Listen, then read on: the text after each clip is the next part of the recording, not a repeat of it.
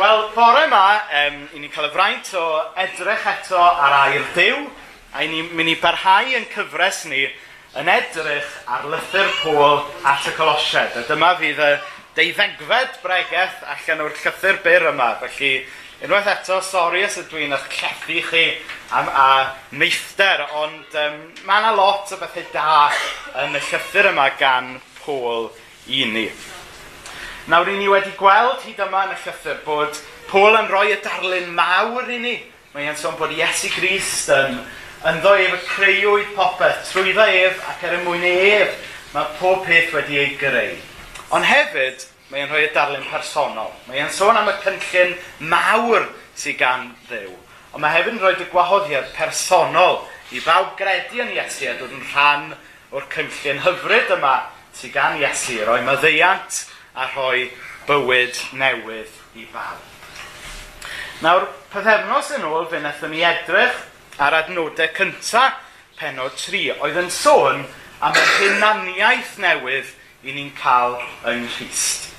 Hynny yw, y syniad yma, os ydyn ni wedi derbyn maddeiant, os ydyn ni wedi derbyn gras a cariad Dyw, yna nawr mae ganddo ni hunaniaeth newydd. Mae ganddo ni identity newydd.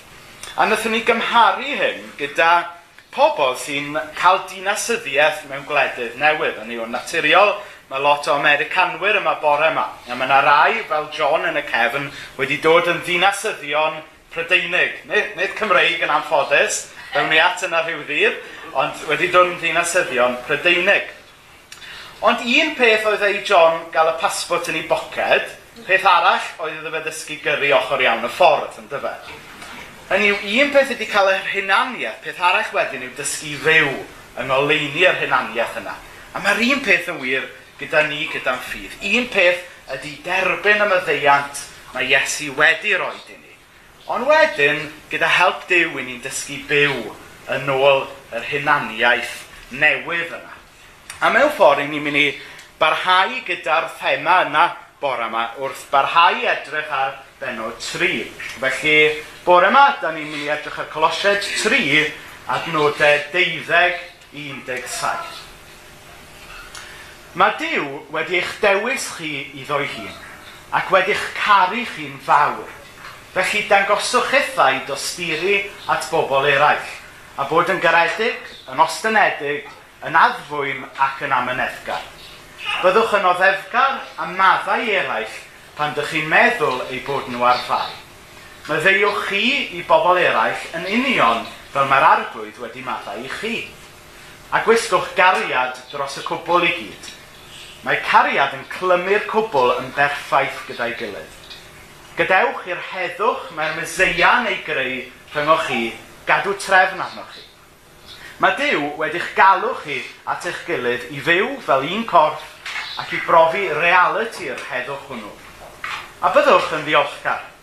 Gadewch i'r neges wych am y Meseia ddew yno chi, a gwneud chi'n ddoeth wrth i chi ddysgu a rhybuddio'ch gilydd. Canwch salmau, ymynau a chyneuon ysbrydol i fynegu eich diolch i ddew. Gwnewch bopeth gan gofio eich bod yn cynrychioli yr arglwydd Iesu Gris. Ie popeth. Popeth dych chi'n ei ddweud a'i wneud. Dyna sut ydych chi'n dangos eich diolch i ddew.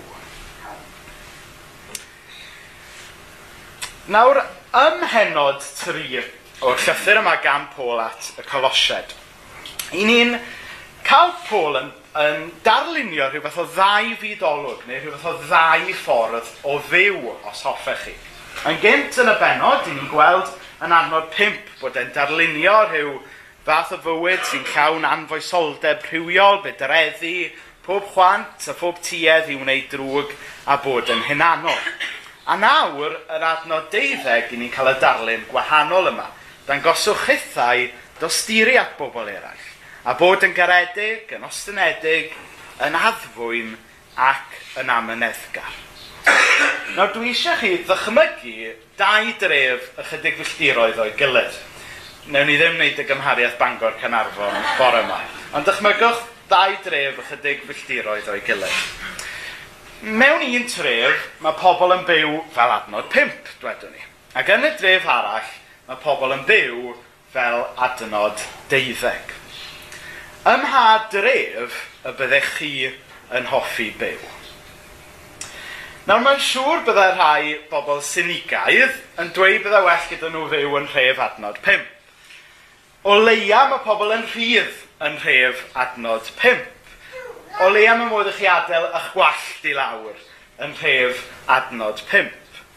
Falle bod pobl yn brifo i hunain, ond o leia maen nhw'n cael hwyl yn y broses. Mae gyda chi rai pobl fysy'n dweud hynna. Ydyn ni rili really eisiau byw yn rhef adnod deuddeg, lle mae pawb yn gwenu trwy'r amser? I ni rili really eisiau byw mewn tref yn llawn gwdi gwdis. Ydyn ni eisiau byw mewn rhyw fath o butlins beiblaidd trwy'r dydd. Ydyn ni rili really eisiau byw mewn tref lle mae pobl yn baglu dros ei gilydd i ddweud sori. Bydde hi'n amhosib mynd yn rhywle yn rhef adnod deg. After you, sir, no after you. A bydde, hynny, bydde'r gostaneiddrwydd yma, golygu bydde neb yn gallu mynd i nynlla. Ond o ddifri, mae ma gyda ni ddau ddelwedd yma, does? Mae gyda ni ddau fywyd, ddau ddewis mae Paul yn darlunio reit glir. Mi ydy ni gyd yn gwybod bod reality bywyd rhywle rhwng y ddau yn dydyn. Ond mae gyda ni y busnes di a gwyn yn cael ei osod allan gan Paul fan hyn. I ni gyd yn gwybod y bydder dre gynta, tref adnod 5, yn y diwedd yn mynd a'i ben iddo. Chos dyna ydy problem pechod yn dyfa. Mae pechod yn torri lawr perthnasau, yn torri lawr relationships, yn perthnasau gyda Dyw, A dyna'r peth mwyaf difrifol. Ond hefyd mae'n torri lawr perthnasau ni gyda'n gilydd yn dydy.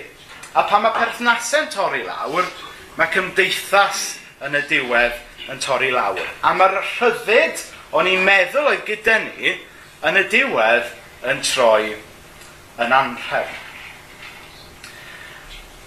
A'r syniad ti gyda ni yw bod, o, yr opsiwn hawdd, yr opsiwn melus, hawdd yw mynd i dref adnod deuddeg. Gan feddwl bod pobl sy'n byw yn rhef adnod deuddeg, jyst yn bobl soft, bod nhw'n walkovers, chi'n gwybod. Ond nid ar chwarae bach mae rhywun yn maddau rhywun sydd wedi gwneud drwg i chi. A mi ydym ni gyd yn gwybod hwnna. Nid ar chwarae bach mae dangos tosturi ac ymynedd i bobl. Mae'n cymryd guts i wneud y pethau yma, yn dydy. Mae'n cymryd guts i fadde pobl sydd wedi wneud drwg i chi. Mae'n cymryd guts i ddangos tosturi ac amynedd. Um, da ni gyd yn gwybod bod yn, yn cymryd guts i ddangos amynedd tuag at rhai pobl. Yw'n mynd edrych yn neb nawr. a dydy bod yn garedig ddim yn golygu bod chi'n soft touch a bod chi'n gadael i bobl gymryd mantes ohonoch chi dydy bod yn ostynedig ddim yn gyfystyr a teimlo bod dim gwerth i chi. Dydy bod yn addfwyn ddim yn golygu bod yn wan. Hynny yw, be fi'n trio dweud yw, nid y bobl go iawn, yr hogia go iawn sy'n rhoi adnod 5. Ond mae'n cymryd guts i sefyll gyda pobl adnod 12 yn dydy. Mae'n cymryd guts i fathau, mae'n cymryd guts i fod yn addfwyn yn y byd dog eat stog yma da ni'n byw ynddo fe. Mae e'n cymryd gras, gweddi a charia dew i ni fod yn bobl adnod deuddeg. A'r allwedd i ni ddeall sut y gallwn ni fyw yn ôl yn hynaniaeth newydd, byw fy madnod deuddeg yn ei ddarlunio fan hyn, yw byw yn bywydau yng nghysgod neu, neu, nid yng Nghysgod, yng ngoleini o ddefnyddio y ddalwedd yn llawn. Byw yn bywyd yng ngoleini Iesu Grist.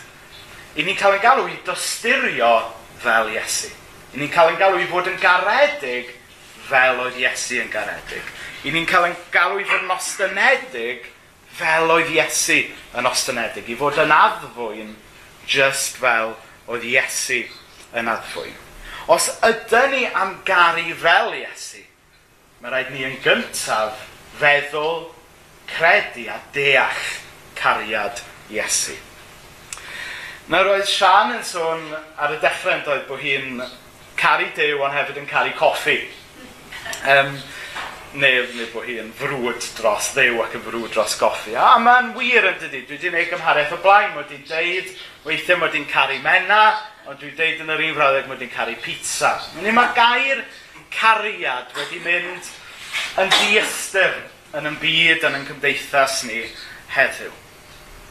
Felly i wybod be mae cariad wir yn golygu, da ni angen meddwl be oedd cariad yn golygu i Iesu. Ac yn Iesu, ni'n gweld mae nid jyst rhyw deimladau fluffy oedd cariad i Iesu. Oedd cariad Iesu yn gariad oedd yn gwneud, neu jyst yn dweud. So dwi am feddwl am cariad Iesu um, fel hyn, ond dwi'n meddeiwch i bobl eraill yn union fel mae'r arglwydd wedi maddau i chi. A dwi am feddwl am gariad Iesu bore yma mewn chydig ffyrdd. I ddechrau, gostyneiddrwydd cariad Iesu. Yr, yr humbleness oedd Iesu di dangos yn ei gariad. Nawr, fe ddath Iesu oedd yn frenin, oedd yn ddew, sy'n dal yn ddew a dal yn frenin, i mewn i'r byd cymleth tywyll yma. A dychmygwch pa mor ostynedig, pa mor humble oedd Iesu i wneud hynny. Dychmygwch nawr Iesu, brenin, nef a deiar, yn fodlon tynnu i wisg brenhinol fel petai, gwisgo'r overalls, os hoffech chi, torchi i lewis a dod i mewn i'r byd cymleth yma i gerdded gyda ni, i gynnig maddeiant i ni, i roi bywyd newydd i ni. Na mae'r gostyneiddrwydd yna yn dangos cariad Iesu i ni. Nawr, o ddefnyddio delwedd Americanaidd gan bod yna ffrindiau yma bore yma i, i feddwl rhywfaint gymaint oedd hwn yn ei olygu Iesu. Dwi'n cofio clywed stori, um, mae'n siŵr bod i ddeg mlynedd yn ôl erbyn hyn, am y cyn arlywydd George Bush. Oedd eisiau ymweld a'i ddilwyr e yn Iraq ar y pryd.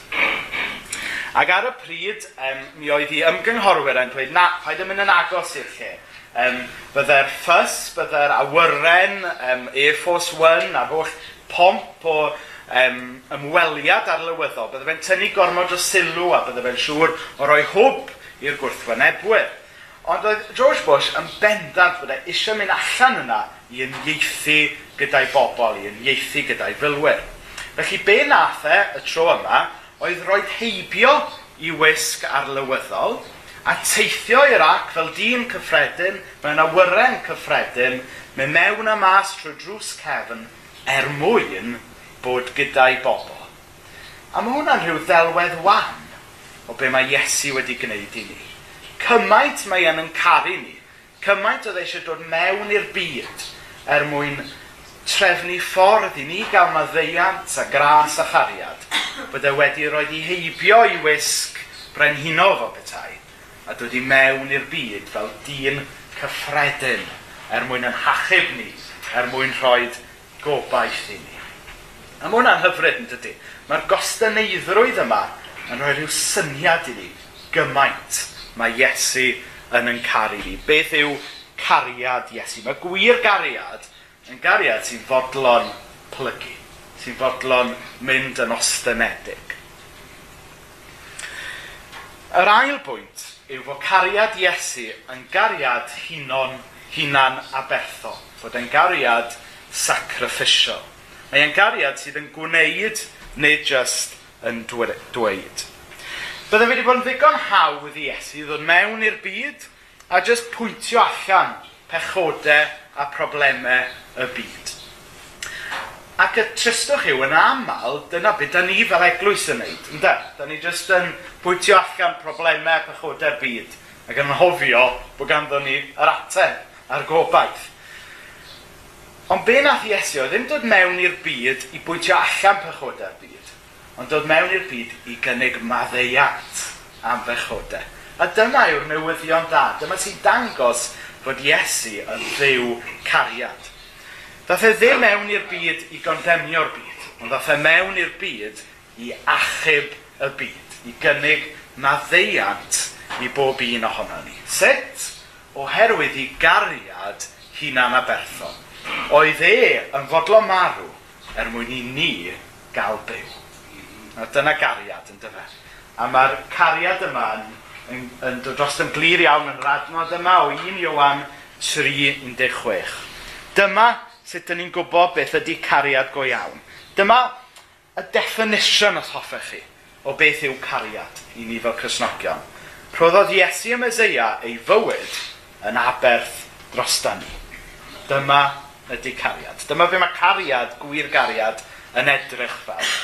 A wedodd yr awdur Tom Wright mewn ymateb i'r adnod yma, Settle that in your heart, a mind, and a great deal else will fall into place.